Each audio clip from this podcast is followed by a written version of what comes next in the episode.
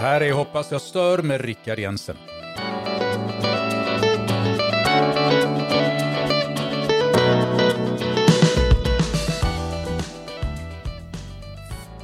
För nästan exakt en månad sedan så satt jag och så spelade jag in en podd. Och i den, den eh, beskrivningen som finns i, eller som jag hade till den podden står det så här.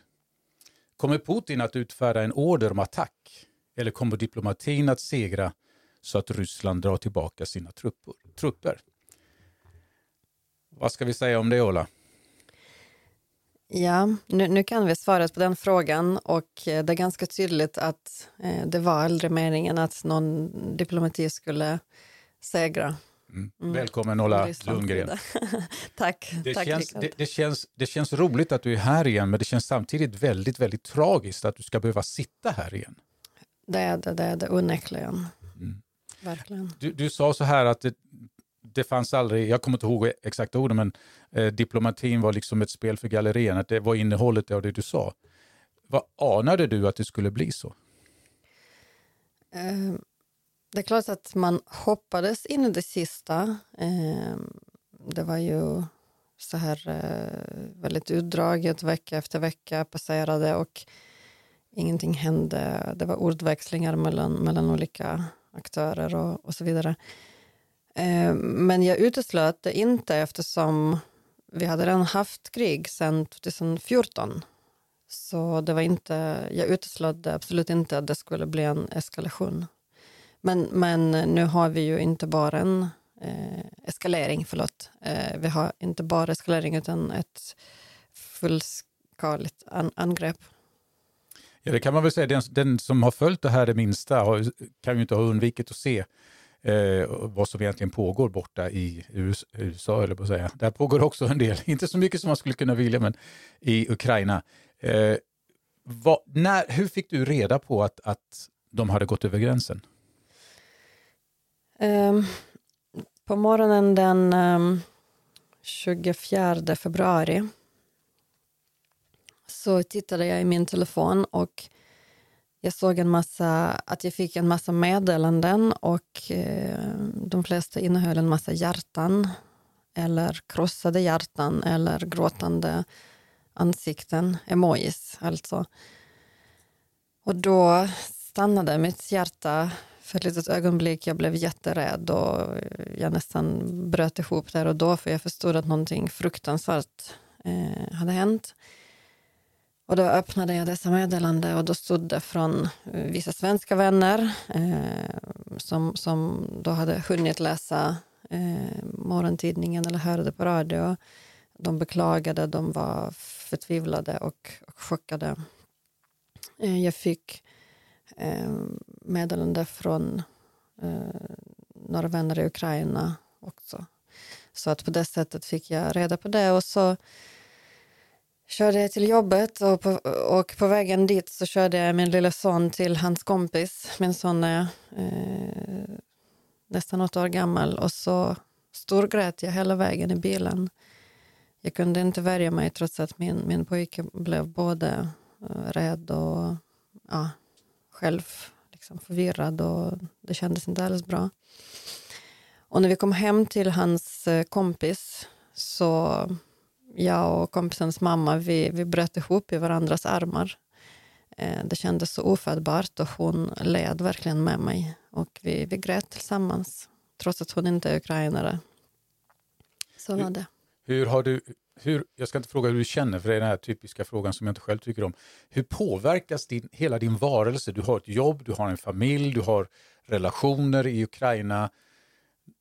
Du är djupt, djupt berörd av det här. Hur påverkar det dig som människa?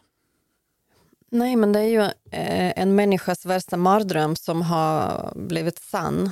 Eh, och ehm, det är ju någonting som, är, eh, som man inte har kontroll över, någonting som har drabbat en själv och, och en, ens land och vänner och släkt. Och det känns fortfarande en ursäkta, en aning surrealistiskt, eh, lite som att titta på en film. Men samtidigt så för varje dag så, så sjunker det in och eh, de första tre, fyra, fem kvällarna så tyckte jag det var så fruktansvärt jobbigt att gå och lägga mig. Eh, det, det gick knappt. Jag, jag var uppe jättelänge och så jag svimmade av trötthet eh, i stort sett. Och det var för att jag var så rädd att Eh, vilka nyheter kommer jag mötas av på morgonen? Eh, hur, hur, kommer det gå för de ukrainska styrkorna? Hur kommer det gå för de olika städerna, för min hemstad? För ja, just det, till saken hör att min hemstad blev bombad första morgonen. Eh, vår, vår flygplats blev bombad. Men sen har det inte varit strider eh, där sen dess. Men jag har också eh, släktingar och vänner i Kiev. Men även i Cherson som är i södra Ukraina mot Krim. Eh, så att um, det, det, var fruktansvärda kvällar och, och, nätter. Jag var rädd att um, titta på i min telefon eller på nyheterna på morgonen och, och få reda på vad som hänt.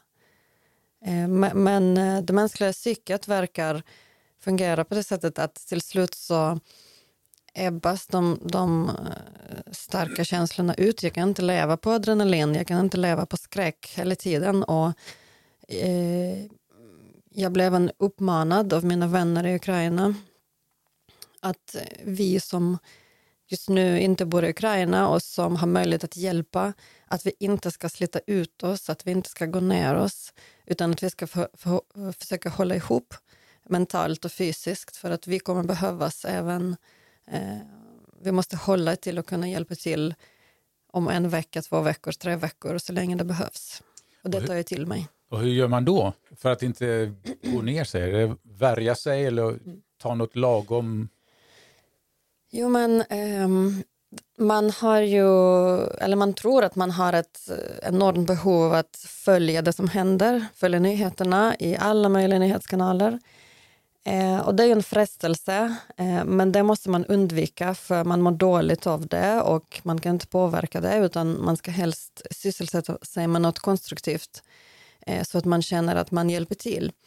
Och ehm, det var bland annat en israelisk psykolog som har skrivit en artikel om, om detta som vi går igenom nu till ukrainska folket och förklarade de här olika stadierna. Vad händer när kriget börjar? Vad händer på Eh, första dagen, tredje dagen, om en vecka, om två veckor? Och då är det så att först är det chock och sen är det adrenalin på drag och sen är det ja, men olika stadier och sen kommer utmattning också. Eh, och där ska vi mm, för, eftersom jag kunde också känna igen det att eh, den första veckan, varje timme som jag inte engagerade mig på något sätt eller följde nyheterna så kändes det som att eh, någon bokstavligen dog på grund av mig eller, eller så in, inte överlevde. Du, du var med i kriget fast du var här borta? Ja, precis. Men, och det heter ju, det fenomenet heter survivals, nej, survivors guilt. Eh, den som då mm, har nära och kära som har drabbats eh, och befinner sig i sådana situationer men själv befinner man sig i säkerhet och då kan man få fruktansvärt dåligt samvete, att man inte gör tillräckligt, att, att, man kanske inte bryr sig tillräckligt. Och det måste man kämpa emot eftersom det är inget konstruktivt och det hjälper varken mig eller eh, Ukraina. Och hur ser då din ditt engagemang ut i, i, nu? Alltså när du försöker hålla den här balansen, hur ser ditt engagemang ut?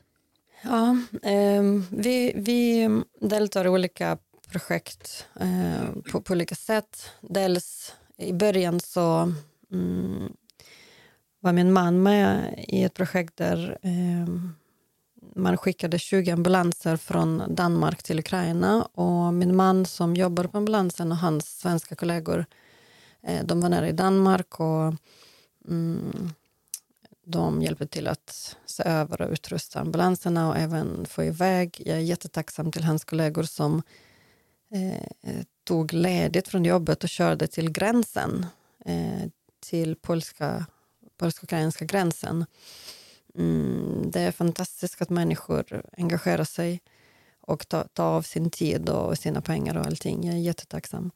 Så vi samlade olika, olika grejer som vi behövde skicka med och körde runt och hämtade saker som olika mm, människor har skänkt. För det handlar om eh, mediciner och utrustning som inte går att köpa på apoteket utan det måste vara eh, ja, sjukhus eller medicinsk personal eller vårdcentralen hade skänkt eh, saker till sårvård till exempel eller till eh, intensivvård. Eh, sen så började mm, mitt, mitt nummer spridas eh, till olika flyktingar och människor ringde till mig och mm, bad om hjälp med olika saker och sådär. Eh, och nu försöker jag även starta ett nytt projekt med insamling till eh, de behoven som finns. Mm, och det är något som jag också vill prata med lite, lite senare om eh, hur man kan hjälpa och hur det ser ut med de olika nivåerna av hjälporganisationer. Du är gift med en svensk. Ja. Hur djupt har du träffat honom? Ja, men verkligen djupt. Eh, vi har känt varandra sedan 98. Han var i Ukraina för första gången 1998. Um, och sen dess har han varit i Ukraina många, många gånger och han känner alla mina släktingar. Han är väldigt älskad av dem och han tycker också jättemycket om dem och, och mina vänner, mina barndomsvänner, deras barn. Nu är ju våra barn kompisar till mina barndomsvänners barn. Och han har varit i olika städer så att det är klart att det, det känns ju oerhört tungt för, för min man och våra barn inte minst. Jag, jag tänkte komma till barnen. Jag har pratat om dig och pratat om om din make eh, Johan. Barn, hur, hur, hur, beskriver ni det som sker nu för barnen så att det går att greppa på något sätt? Mm, men vi är ganska öppna med barnen och sen så fungerar det så att de, mm, de är olika åldrar så att vi har eh, barn mellan eh, 18 och 8 kan man säga. Nästan 18 och nästan 8 och sen två däremellan. Och eh, de två äldsta barnen, tonåringarna i övre tonåren, de tar själva del av nyheter. De eh, läser själva på nyheter i sina telefoner och de tittar på nyheterna med oss. De vill verkligen sätta sig in. Och sen får de också frågor från sina klasskompisar och lärare och omgivningen. Så att, ehm, och sen mm, min son som är eh, knappt 13, ehm, han har lite svårt att greppa det för att ehm, ja, men det är fortfarande svårt för honom att förstå. Och min, ehm, så, så där behöver vi förklara lite mer och um, berätta och tolka det han ser och uh, ta del av. Och sen så vår minsting, uh, eh, för honom är det mest kanske, känslor och, och inte minst att det är ingen munter stämning hemma hos oss. Uh, vi måste tvinga oss att skärpa oss och så här, vara tillgängliga för våra barn. För det är lätt att gå in i sig själv. Vi pratar om reaktioner och, sätt att hantera det. Eh, har du mött reaktioner från din omgivning eh, när det gäller detta, förutom att man kan säga att det här är fruktansvärt och så här. Har du mött något, några andra reaktioner som inte är eh, en klapp på axeln och kanske en kram? Mm, det har jag faktiskt, Rickard. Och det är ju också, mm, det beror på att vi lever i ett Eh, Eh, i en, ett mångkulturellt samhälle och det finns människor från hela världen och i sådana situationer så tror jag man eh, ofta kanske följer nyhetsrapporteringen från sitt gamla hemland och man, man har en, ja, en världsbild som kommer kanske från någon annan del av världen och eh, nej, det är inte alltid lätt. Det har varit väldigt svårt för mig faktiskt eftersom jag är så känslig just nu och har inte riktigt den orken att vara eh, tolerant eller svälja vad som helst. Eh, så det har varit tungt. Du pratar om information. för jag, jag tror att det, om man lyssnar på det här och är, har varit med i, i nyhetsrapporteringen på den senaste tiden så, så, kan man ju, så har man hört också vilken otrolig skillnad det är på rapportering från Ukraina sett med västerländska ögon och den information som man får i Ryssland. Ja, men Ryssland, jag tycker inte ens man kan uh, räkna det som nyhetsrapportering. Det är ju någon som skriver manus och som spelar in det som uh, någon sorts film och så kallar man det för nyheter. Så där räknar jag inte det en del av uh, nyhetsrapporteringen. Jag läste idag, jag läste nog igår också, hörde jag om det, men idag läste jag om det igen, att internet som vi är vana att känna, som vi känner det, håller på att släckas ner där. Alltså det, det, man isolerar så mycket och kapar överallt där inf information utifrån skulle kunna komma in och ändra på bilden som man har. Vad är det för bild som ryssen som kommer till Ukraina för att, är det för att eh, träna, höll jag på att säga, för att eh, ha en, en, en övning eller vad tänker den ryske soldaten som kommer till Ukraina? För det här är, ett, det är någonting som man har diskuterat och som har framkommit i tv på olika sätt. Vad, hur åker man dit? Ja. Vad tänker man? Och det här tänker jag, det är egentligen ett, inget vanligt ämne, ett väldigt känsligt ämne eftersom eh, det är så att eh, alla ryska soldater som blir tillfångatagna eh, de säger det som en mantra, som en ramsa. Eh, jag vet inte var jag är, jag vet inte vad jag skulle göra här Eh, jag ville inte något illa. Och så där. Det är nästan som att det så här, de har fått en order om att säga det. Och eh, jag tycker att man ska vara väldigt försiktig med, med sin så här, det är klart att man känner rent spontant om man har hjärta på rätt plats så, eh, så känner man ja men de är ju ganska unga och de, de vet inte vad de är och vad de gör. Eh, men det finns också stridspiloter som knappast är vilse eh, som vet precis vad de gör när de trycker på knappen på att, att bomba eh, stadskärnor och så vidare.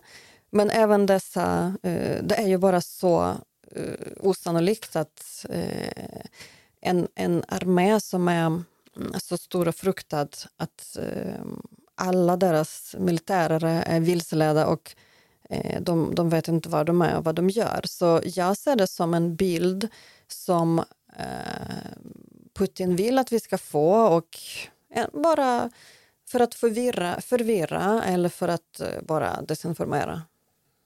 Den här bilden, på tal om bilder, bilden som man har i, i Ryssland är ju då helt klart skapad och formad av den brist på saklig information som finns och den här propagandan har, har tagit ett järngrepp. Är det någon skillnad mellan, det här är ju en ledande fråga, den är ganska uppenbar i svaret också. Är det, är det någon skillnad mellan den äldre generationen och den yngre generationen när det gäller uppfattningen om vad som egentligen är på gång i Ryssland? Alltså? Mm, Ja, jag tror det är skillnad. Ehm, men ah, jag vet inte, Rickard. Vet du, ärligt talat, jag har inte lust att prata om ryssar och deras uppfattning om saker och ting. Då kan, går vi, till... kan, vi, kan vi gå vidare till något annat? Då, då, går, då går vi vidare till Ukraina. Eh, vad har man för perspektiv nu? Du, om jag frågar dig, omöjlig fråga, men det kanske får, jag får ett rakt svar ändå. Hur kommer det här att sluta? Eh, det kommer att sluta med Ukrainas seger eftersom eh, vi har redan visat att vi kan eh, stå på oss, vi kan kämpa emot. Vi gör det på ett imponerande sätt och eh, både civilbefolkningen och styrkan är ju på samma spår. Alla hjälps åt, eh, engagemanget är totalt och eh, ah, nej, det är ingen som pratar om något annat. Jag har inte hört något sånt från en enda jag känner där, inte i mitt flöde eller inte från vår regering. Så eh, det finns bara ett sätt som detta kan sluta på. Men är det inte ett önsketänkande, om jag pressar dig lite grann, är det inte ett önsketänkande? Ha, finns det en reell, verklig möjlighet att detta monster som kommer från öster med en överväldigande militär, alltså den är vida överlägsen Ukrainas militär. Kan det verkligen bli så att Ukraina vinner ett sånt slag? Mm, jo, men vem som helst som har följt nyhetsrapportering ser ju att eh, Ryssland har inte nått eh, något av sina mål än så länge och eh, allting tyder på att Putin trodde på någon sorts eh, blitzkrig, att det skulle vara över på en eller två dagar. Allting tyder på att han hade helt eh, felaktig uppfattning om var, ukrainska, var han hade ukrainska folket. Eh, även eh, den rysktalande befolkningen i Ukraina. Han har missbedömt alltihop och eh, de, de misslyckas i alla sina operationer. Eh, de lyckas med att förstöra städer. Eh, men eh, nej, jag vet inte. Än så länge så känns det verkligen inte, det ser inte hopplöst ut för oss. Det tycker jag inte. Om vi bara... Var går gränsen för striderna? Är de i halva landet eller går de... Jo, men det kan man säga. Det kan man östra säga. delen. Är den västra delen, den som ligger närmast väst så att säga, nu ser de inte mina citattecken som jag gör, är den ointressant för, för ryssarna? Mm, man, ehm, har, eh, jag har hört analyser då innan kriget började att han var ganska ointresserad från början att gå vidare förbi Kiev. Det är ju väldigt symboliskt för Putin att förstöra Kiev, att döda vår president, att, att tillsätta marionettregering.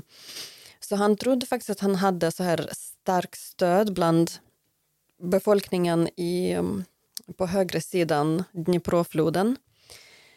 Eh, och varför han inte vill ta över den vänstra sidan, det är för att eh, befolkningen där är mycket mindre så här, ryskvänlig och där skulle ju ehm, eh, motståndsrörelse, det skulle aldrig någonsin ta slut, även om det skulle ta tusen år. Människor skulle fortsätta kämpa mot, mot Ryssland eh, eh under jorden, så att säga. Och, eh, vilket också var fallet eh, ju under hela Sovjet. Så att... Om jag nu målar en, en mörk bild, förlåt mig. låt oss säga att, eller låt oss tänka att ryssen tar, vinner slaget om Kiev och därmed så skulle en regering falla eller de lyckas att fly och bilda en, en regering interimregering kallar man det för. Dem, ja, någonting i alla Marionett, fall. Marionettregering. Ja, men alltså att de lyckas att ja. fly med livet i behåll och fortfarande är en intakt regering. Jag talar om den ukrainska regeringen. Hur, hur skulle fortsättningen se ut? Jag menar, om jag, jag, jag försöker sätta mig in i... i... Ja, men vet du vad Erik, att jag vill inte prata om det heller. Alltså det, var många... det, det, är ett, ett, det är någonting som det kommer inte att hända, det är omöjligt och eh, fortsättningen kommer vara så att eh, det kommer skörda ryska liv varje dag i, i många, många, många, många år i framtiden om de stannar i landet och försöker liksom, om de ockuperar det och försöker behålla det, det kommer, eh, de kommer aldrig ha någon lugn och ro eh, någonsin. Mm. Du, när man nu går in, man berörs ju, man behöver inte vara, ens vara särskilt snäll för att beröras väldigt djupt och påverkas av det. Jag har varit inne i samma, jag är, brukar säga att jag är ett nyhetsfreak. Och jag har, jag vet inte hur många gånger per dag, 30 gånger per dag går jag in och tittar på nyheterna på en app eller flera appar. Jag har flera installerade. Eh, och det, det, är, man, behöver, man påverkas ju av detta. Om jag nu känner att jag vill inte bara sitta och tycka att det här är fruktansvärt, vad gör jag som vanlig svensk? Hur kan jag vara med och påverka? Hur kan jag vara med och hjälpa så att det kommer fram till de som verkligen behöver det? Och vad är det de behöver? Vem är det som behöver det? Mm, just det. Jo, men... Um, oj, vilken, vilken stor fråga. För att dels har vi ju vår, eh, våra ukrainska styrkor. Um, och då man kan tycka att jo, men regeringen, eller ja, regeringen eh, staten fixar allt till dem. Men man får inte glömma att vi har varit i krig sedan 2014. Landets ekonomi har mm, varit påverkad av det och eh, dessutom så eh, vi hade ju inte så, så stor aktiv styrka så att eh, det behövdes fortfarande och behövs både eh, allt från hjälmar till eh, skottsäkra västar till strumpor och eh, underkläder till allt möjligt. Eh, alltså, det är inte så illa, liksom, men, men ändå, det är ju väldigt ruljangs på de sakerna. Så Ukraina har inte ett oändligt förråd av, av allting. Och jag tror vår regering just nu verkligen satsar pengar på eh, saker som andra saker som drönare och vapen och, och, så här. För att rädda så många liv som möjligt och, och eh, förhindra förstörelse. Eh, så det koncentrerar sig människor på i Ukraina. De, de samlar pengar. De, eh, jag har hört att eh, det finns inte en enda strids, eller så skottsäker väst eller hjälm att köpa i hela Polen till exempel och i, knappt i, i Sverige eller någonstans i Europa eftersom allting har skickats till Ukraina. Och det är, jag har, min erfarenhet är att det är väldigt svårt att be eh, folk i ja, till exempel i Sverige, att donera pengar till saker som går direkt till fronten. Eh, man har motstånd eh, och man har även hört den här retoriken att jo, men vi ska hjälpa Ukraina men inte med vapen. Eh, vilket är ju lite konstigt för att vi kommer ju ja, så många människor kommer bli dödade. Vi behöver vapen eftersom vi är under angrepp. Men, men, nu är det inte så att jag menar, man kan hjälpa med vapen, men man skulle kunna hjälpa med underställ och varma kläder och eh, även eh, så här, torr mat till, till fronten. Men, men vi ukrainare i, Sverige upplever att det är ganska svårt att, att eh, samla pengar till det bland våra svenska vänner och, och så där. Men sen finns det och eh, ett moment här som jag aldrig reflekterat över och aldrig stött på eh, förrän nu är att de här jättar bland humanitära organisationer som Röda Korset och eh, Unicef eh, och allt vad det är. Mm, även Svenska kyrkan, ACT, eh, samla pengar och sådär. De får enorma astronomiska summor pengar eh, av människor, eh, vilket eh, vi i Ukraina är enormt tacksamma för. Men de organisationerna är ganska långsamma till att komma på plats. De säger att de är på plats, men i praktiken betyder det att deras kontor är på plats. Och vissa säger att, jag ska inte nämna några, jag vill inte liksom förärga någon, och jag upprepar att jag är väldigt tacksam, men Eh, vissa säger så här, ah, men vi för inte in någonting i Ukraina, vi köper allt på plats. Jaha, men det finns inget att köpa längre eh, på plats. Och sen eh, en annan känd organisation, ja de kan inte komma in i landet för de behöver total eldupphör. De vill inte riskera sin personal. Och för mig som ukrainare som lider enormt mycket med mina landsmän, då känns det så här, ja men kan de inte låta ukrainare föra in det i landet för att vi är villiga både föra in och, och distribuera. Eh, för att eh, det känns som att de här stora pengarna kommer komma till nytta till att begrava människor och vårda människor som är massakrerade för livet. Får jag bara bryta in? Finns möjligheten, alltså de, striderna är framförallt i, i östra Betyder det att gränsen är öppen i väster så att man kan göra de här transporterna? Ja, gränsen är öppen men det är ju hela tiden risk för flygangrepp eftersom västra Ukraina är ju nära Belarus. Och där har eh, Ryssland stationerat sina styrkor. Och eh, det finns, eh, som till exempel min hemstad, jag har alltid upprepat det tusen gånger för alla som vill höra att nej, men min hemstad är inte på samma sida som kriget och sådär.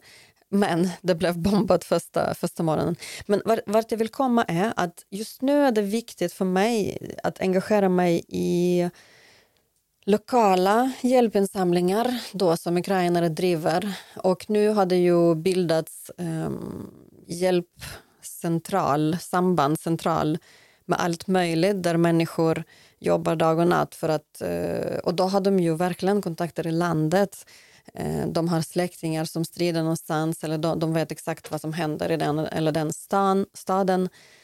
Och behoven ändras hela tiden och sen möjligheter att komma fram till en viss stad eller inte komma fram också ändras.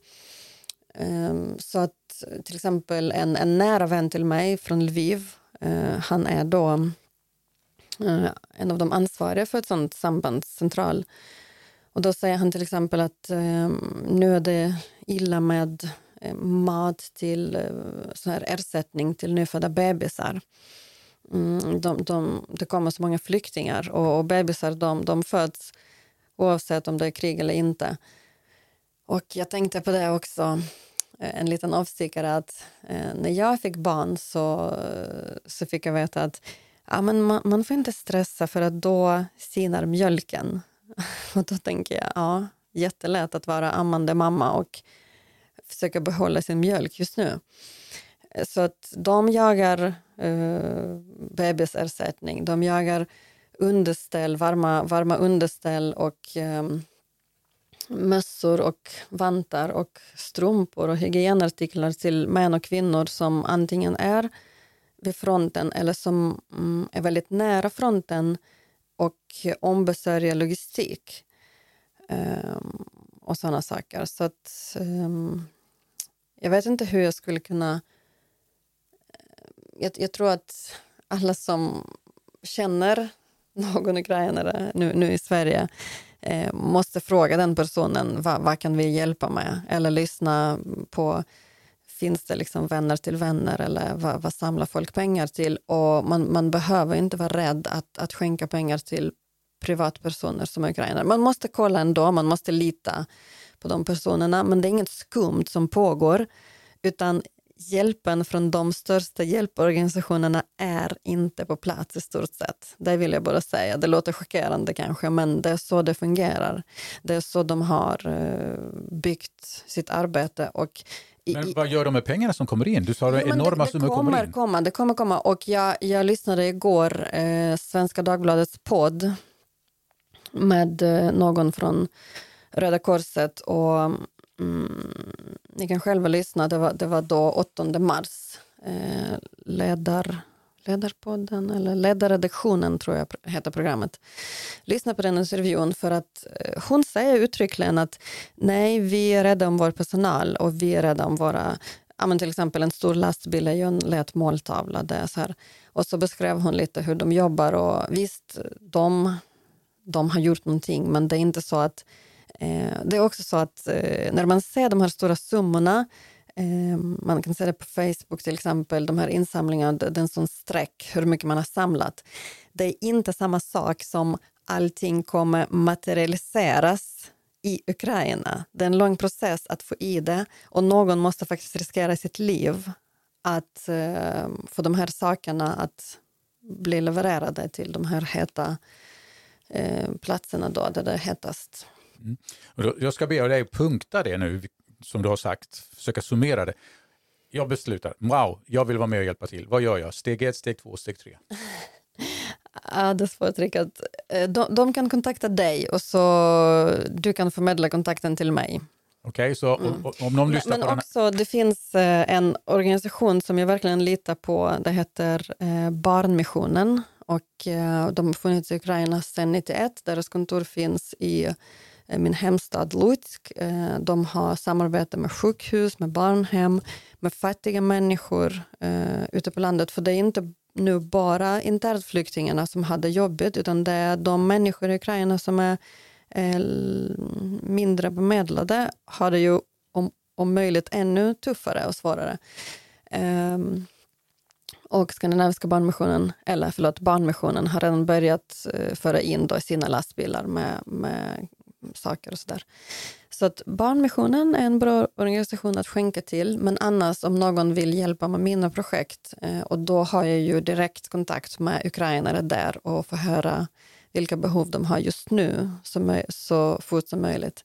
Eh, så kan människor skriva på Facebook till dig och du kan förmedla, eller till mig, eh, för att mitt namn finns där i mm, beskrivningen av din podd. Eh, till exempel de här 20 ambulanserna som vi skickade då. Det kändes så härligt att se en liten video som vi fick från Kiev när de rullar in i stan.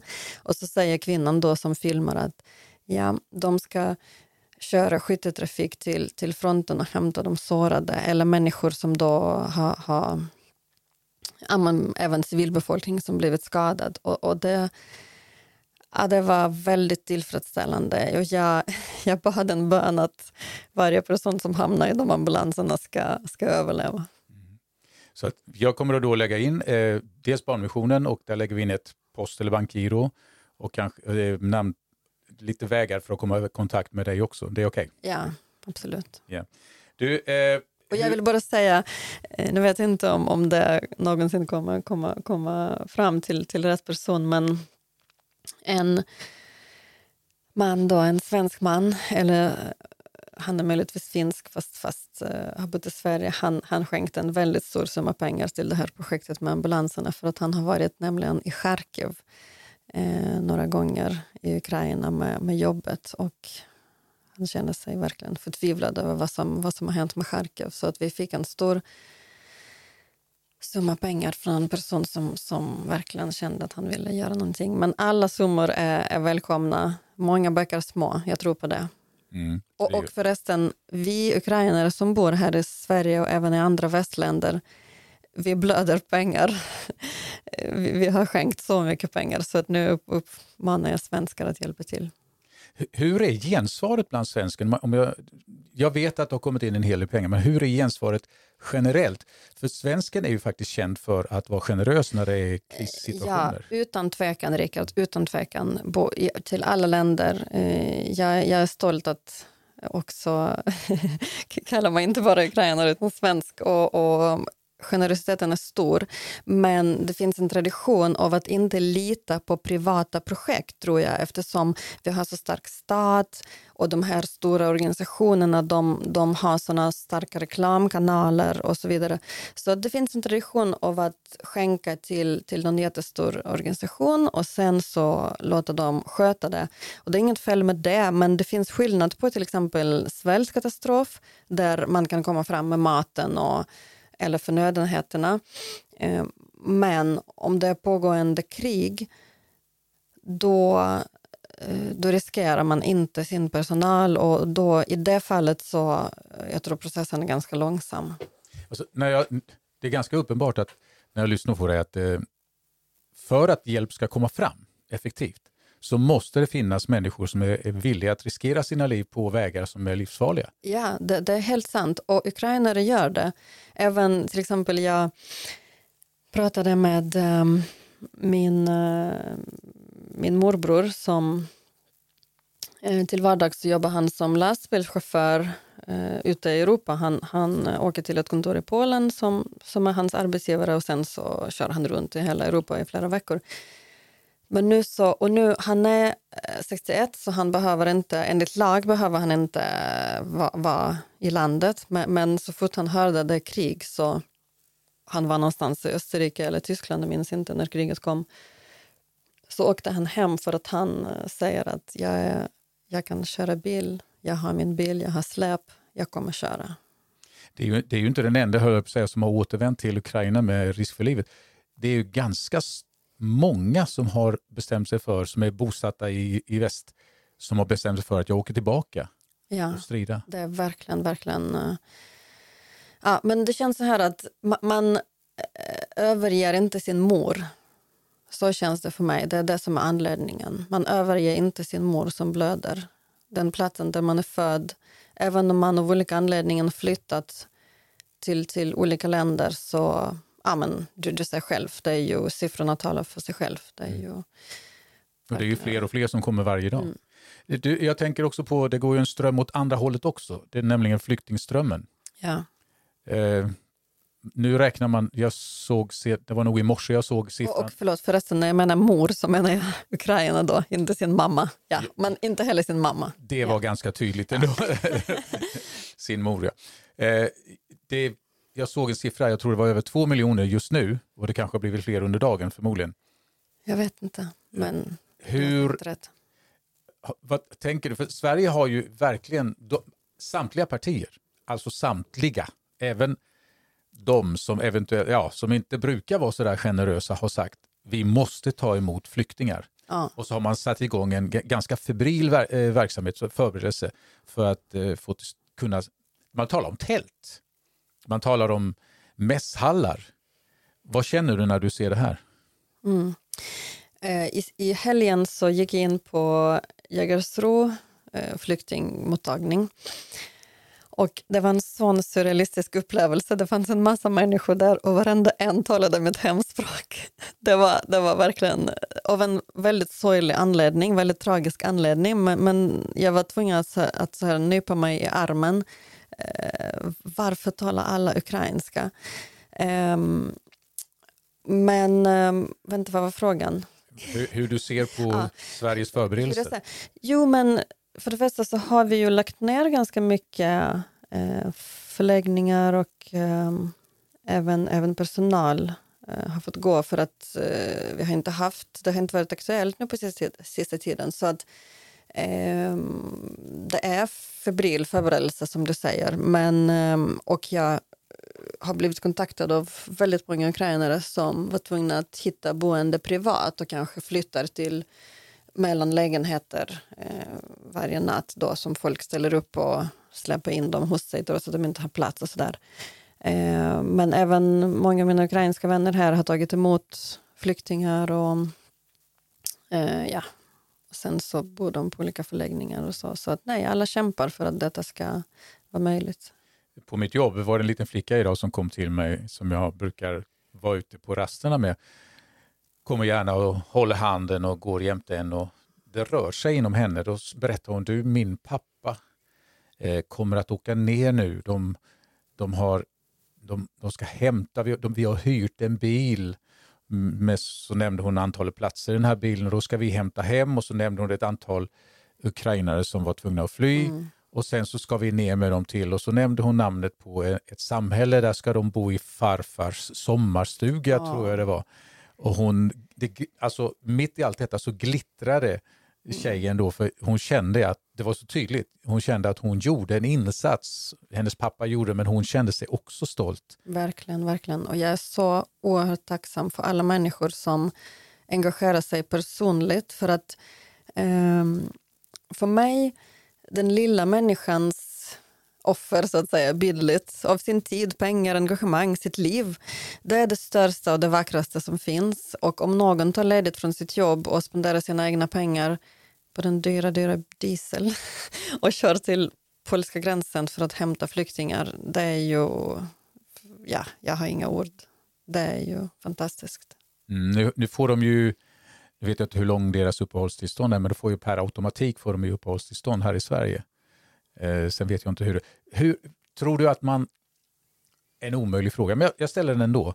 Eh, tror du att man blir förälskad i Sverige så pass, alltså lär sig tycka om Sverige så pass att man väljer, och även om man kan flytta tillbaka, att man hittar en, ett, en tillvaro här som, som attraherar mer? Jag har ingen aning. Jag tror var och en har eh, olika livshistorier. Jag vet inte hur det funkar om ens hus inte finns mer.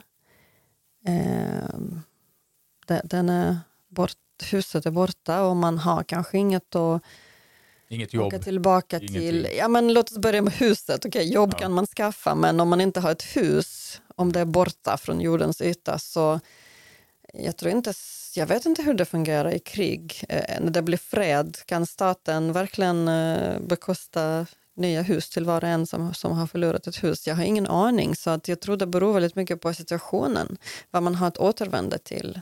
Alltså tidigare, om man tittar på världskrigen som har varit, så har ju eh, uppbyggnaden av ett eh, land, eh, flera länder, har ju varit beroende av att omvärlden donerar stora, stora pengar för att bygga upp det här landet igen, och, eller de här länderna. Och det tror jag det, blir, det är nog en förutsättning för att Ukraina ska komma på fötter igen.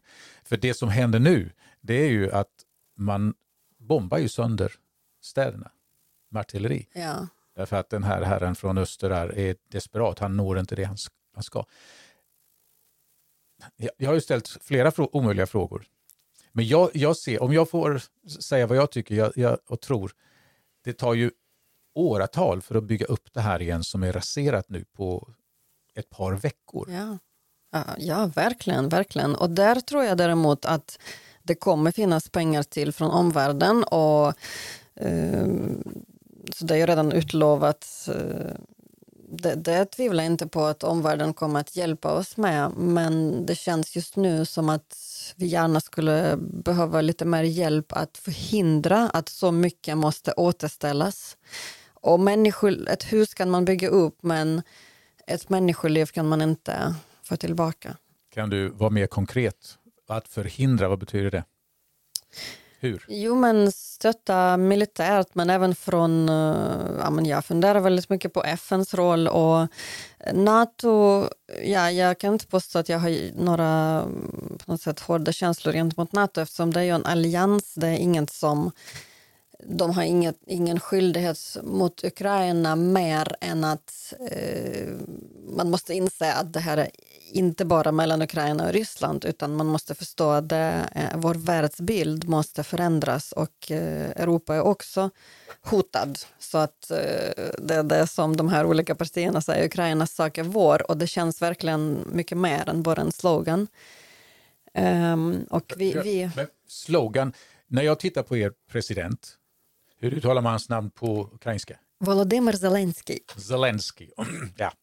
Eh, så han, jag tycker han använder sig av en strategi som är, jag är, lite, jag är mer än lite imponerad. Jag har sagt det till dig något, vid något annat tillfälle. Jag ser honom som en mycket modig man i de här ögonblicken. Han kan ha säkert andra defekter, men, eh, men han är väldigt modig därför han stannar där det är som farligast och hans inhamrande ja. av vissa budskap som blir som slogans mm. är så tydligt så det går, det går inte att komma ifrån dem. Nej, nej, precis. Och eh, det talas om att eh, till exempel vår förra president Petro Poroshenko, han blev inte omvald men han har gjort eh, bra, bra saker för Ukraina men han var en sån typisk politiker. Han spelade enligt alla, eh, E-, e-, enligt alla spelreglerna och så vidare. Och i Ukraina så, så pratar man om detta nu att oj, det är nog lite sådär eh, nästan ödet eller några högre makten som har eh, blandat in sig här så att vi har en politiker som inte är så medietränad och slipad utan han spelar inte efter spelreglerna. Han bara säger saker som han uh, tycker och skäms inte för det. Och dessutom är han ju verkligen van att stå på scen och han har haft en lång karriär eh, i, inom underhållning och han har talets gåva. Uh, så att det är nog tur i oturen att uh, Zelensky, han är ingen uh, yrkespolitiker på det sättet, har inte varit det sedan han blev president. Hur viktig, hur betydelsefull är hans insats på när han går omkring och tar selfies tillsammans med sina ministrar? Vad, vad betyder det för, för folket i Ukraina? Ja, men jag tycker att eh, det, det resulterar i ett, en slående kontrast eh, mellan Zelensky och Putin. Putin sitter vid ett eh, jättelångt bord eh, med sina ministrar och sina närmaste. Eh, han ser knappt dem. De måste säkert prata i mikrofon för att höra varandra medan vår regering eh, just nu är ett team.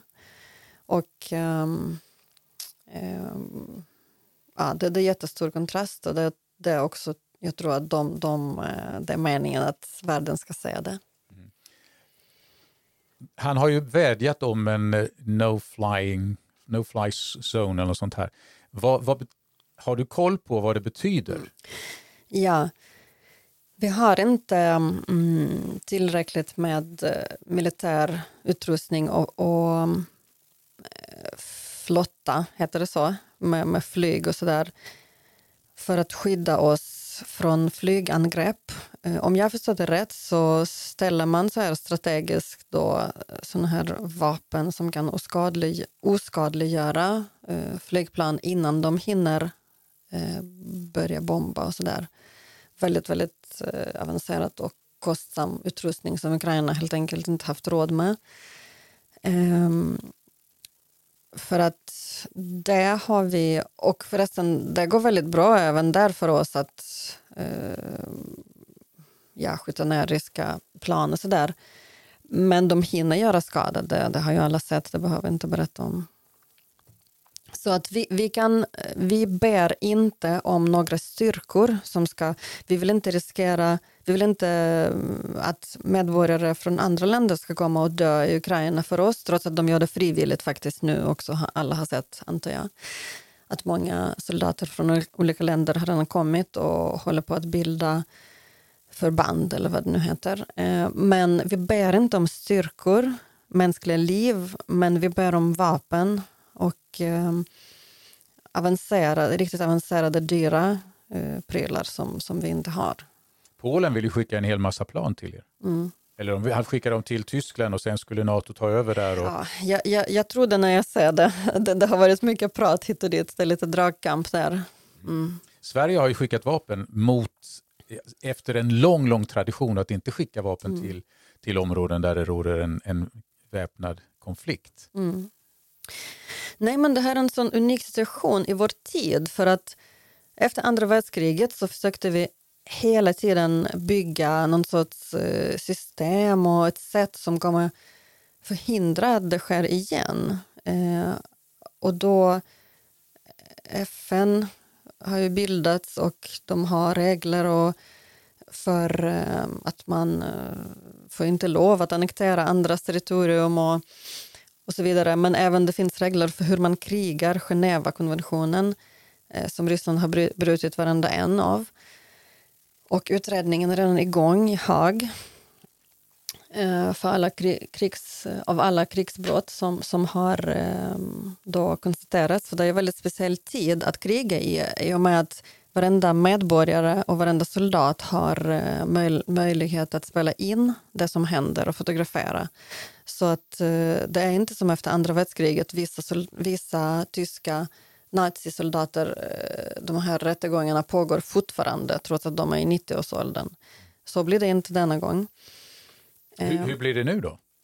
Jo, men man kan ju, man har filmat allting i realtid och det finns bevis till exempel för um, finns ju vissa saker som är enligt Genèvekonventionen olagligt att an använda i städer, klusterbomber tror jag det heter och andra saker som direkt är förödande för civila som, som civila kan inte värja sig mot uh, i städer och, och sådana saker. Jag gjorde ju en podd för inte så länge sedan som hette Skulle jag skjuta Putin? Och det, det var ju inte frågan om att jag skulle ta mig dit, eller, utan det var ju mer en moralisk liten diskussion. Ja. Att i, i, krig så finns det egentligen inga... Vill du nu ställa ytterligare en omöjlig fråga? eller? Nej, men det finns inga, det finns inga, det finns inga bra val att göra Nej, där. Precis. Och du, du har sagt till mig tidigare att du vill se Putin i Haag. Ja, jag skulle inte vilja att någon likviderade Putin. Jag vill se honom i Haag. Det, det kommer bli den största förnedringen för honom, tror jag. Och också rättvisan. Jag, jag vill att eh, ledare där ute i världen med liknande ambitioner ska få se honom i Haag. Det, nu, nu drog du in andra länder, andra situationer. Varför är det viktigt att han får stå där? Jo, men för att jag önskar ju alla länder i, i, i världen att uh, få ha en ledare och, och de styrande som um, det är så här, antingen ser man att man är en ledare som har ett folk eller så, så är det folket som har en ledare, ledare som en anställd. Och det är ju det sen, den senare versionen som jag tycker är bra. Är det realistiskt att tänka sig att Putin hamnar inför Haag-domstolen? Ja, absolut. Varför, varför inte? Allting kan hända. Hur kommer man åt honom? Jag menar, det kan ju inte du svara på, men alltså, du, du, du nämner här att han sitter vid ett 18 meter långt bord, nej, var 9 meter. Ja. Ja. Det var, eh, Rickard, jag vill även inte prata om den mannen så där ingående. Jag vill inte slösa minut, minuterna på honom. Men jag vill säga någonting som, bara för att eh, komma tillbaka till det som vi pratade om eh, för några minuter sedan. Mm, ja, att eh, det här att eh, moraliska dilemman och vad man trodde att man var kapabel till eller vad, vad som var rätt och fel och även det här att vi ska inte skicka vapen. Men vår befolkning blir ju eh, det är ett försök att utplåna oss och kuva oss och skada oss väldigt, på ett väldigt grovt sätt. Och um, ja, hur, hur beter man sig i den situationen? Hur eh, skyddar man sig utan vapen och utan att döda sitt fiende? Och där eh, kom jag på ett en citat från en ukrainsk eh, frihetskämpe under nazi eh, under naziockupationen som hette Roman Sjuchevich. Och han då... Det, det, var, det var några som trodde att de kunde göra Ukraina fri under andra världskriget. Att de kunde spela ut tyskarna mot bolsjevikerna och eh, ja, de insåg inte liksom riktigt direkt vad, vad Hitler var kapabel till så att det gick illa för dem också. Men eh, han har sagt så här att vi kämpar Eh, inte på grund av att vi hatar de som står framför oss utan på grund av att vi älskar de som finns bakom oss. Och någonstans så är det lätt att förstå för mig att nej, jag tror inte en enda eh, normalfuntad människa vill ta livet av en annan människa. men de som står bakom oss, det är ju våra civila och alltså nu talar jag från ja, styrkornas perspektiv, de, de som krigar. Om det är civila, om det är din familj, dina barn, dina gamla föräldrar, sjuka människor som inte kan fly och så vidare. Ja, vad har du för val? Mm. Har du något mer som du vill ta upp innan vi avrundar det här, den här podcasten? Oj, jag har en det, fråga sen ja, till dig. Det. Jo, men det skulle kunna vara mycket, men också... Mm, det är så ont att... Eh, inte bara att många människor dör, men också... Eh, oersättliga eh, så här, museer och eh, byggnader, kyrkor och kultur. kultur förstörs. Bland annat så har vi en ukrainsk eh, konstnär, eh, Maria Primachenko, som är världskänd och hon lever inte längre. Hon dog 97. Även Pablo Picasso kallade henne eh, att hon var ett geni och vi var oerhört stolta över henne och bomben träffade i hennes museum där de flesta av hennes verk fanns. Och um, visst, det är bara materia, alltså det är ju inte jämförbart med människoliv, men det är ju också någonting som vi var stolta över, någonting som är vårt kulturarv och, ja, och så ja, men gamla kyrkor, olika byggnader som har verkligen så här värde utifrån ja, arkitektur och sådär. De är gamla och nej, det gör ont. Det är så mycket som inte går att återuppbygga och få tillbaka. Jag läste, som jag, som jag berättade, följer nyheterna, så läste jag, och det hade jag inte tänkt på på det här sättet innan, hur det påverkar omgivningen. Det är ju liksom inte bara Ukraina som påverkas av detta, utan man talar om att ända ner i Afrika kommer det här att få konsekvenser. Bland annat så slutar ju Ukraina att exportera mm. mat det är en viktig och väldigt intressant fråga. Mm. Ända, ända fram till årsskiftet i första hand. Så man, och då talar vi om, jag har skrivit ner en fusklapp här, spannmål, socker, salt och kött. Man är ju den fjärde största producenten av, de, eh, av en del av de här produkterna. Mm. Så det här kommer ju påverka omgivningen lång tid framöver. Vi exporterar enormt mycket vete och um, majs till Kina. Och eh, Kineserna föder upp sina grisar på ukrainsk majs och eh, fläskkött används ju väldigt flitigt det kinesiska köttet, så det, det, är väldigt intressant. Kina har skänkt pengar nu såg jag till ja. Eh, uppbyggnaden. Det var en blygsam summa i, i förhållande, men, ja. men du, Turk, sen är det en intressant liten reflektion här. Det som har varit drivande, eller det man har pratat mycket om nu, det är ju, det är ju att vi ska inte importera gas och olja ifrån, från Ryssland. Turkiet och Israel har tagit kontakt med varandra igen. Därför att nu är planerna på att man ska transportera gas och olja genom Turkiet mm. till västfronten för att göra oss mindre beroende. Ja. Kan det styrka Ukrainas roll i framtiden? Ja, men det hoppas jag. Men, men det här är bara ett exempel på allt det som vi hade trott var eh, så här, omöjligt eller eh, man, det gick inte att föreställa till exempel att vissa länder skulle sluta vara neutrala och andra länder skulle frångå sin, sin utrikespolitik helt och hållet och, och så vidare. Eh, men alla vet ju att för, förr så pratade vi så här, ja, men, världen före och efter 9-11 men det här kommer vara också världen före och efter Ukraina-Ryssland-kriget för att eh, det är mycket som kommer behöva ses över eh, och ändras på. Ja, och även, även, allianser kommer bildas som inte har funnits där förut, men och även allianser kommer att spricka tror jag.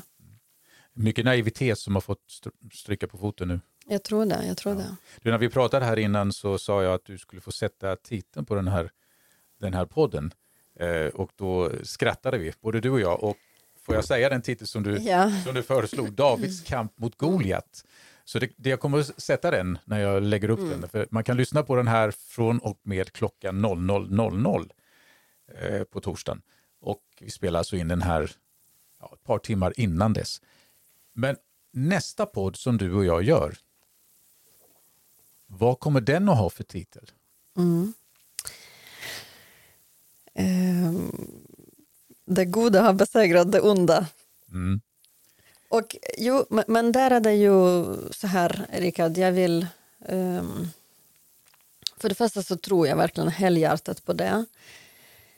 Men eh, jag blev så oerhört berörd av en, eh, ett inlägg på Facebook av en ukrainsk journalist som, som väckte enormt stora frågor. Um, och han skrev så här att hans kollegor och vänner från eh, hela världen skriver till honom och många ställer samma fråga oberoende av varandra. What's your plan now? Um, och då säger han att ja, min plan A, plan B och plan C det är att stanna kvar och med alla medel kämpa då mot eh, ryska armén. Och om ryssarna lyckas efter världen har övergivit oss och de har eh, tillsatt marionettregering och de har dödat alla och sådär.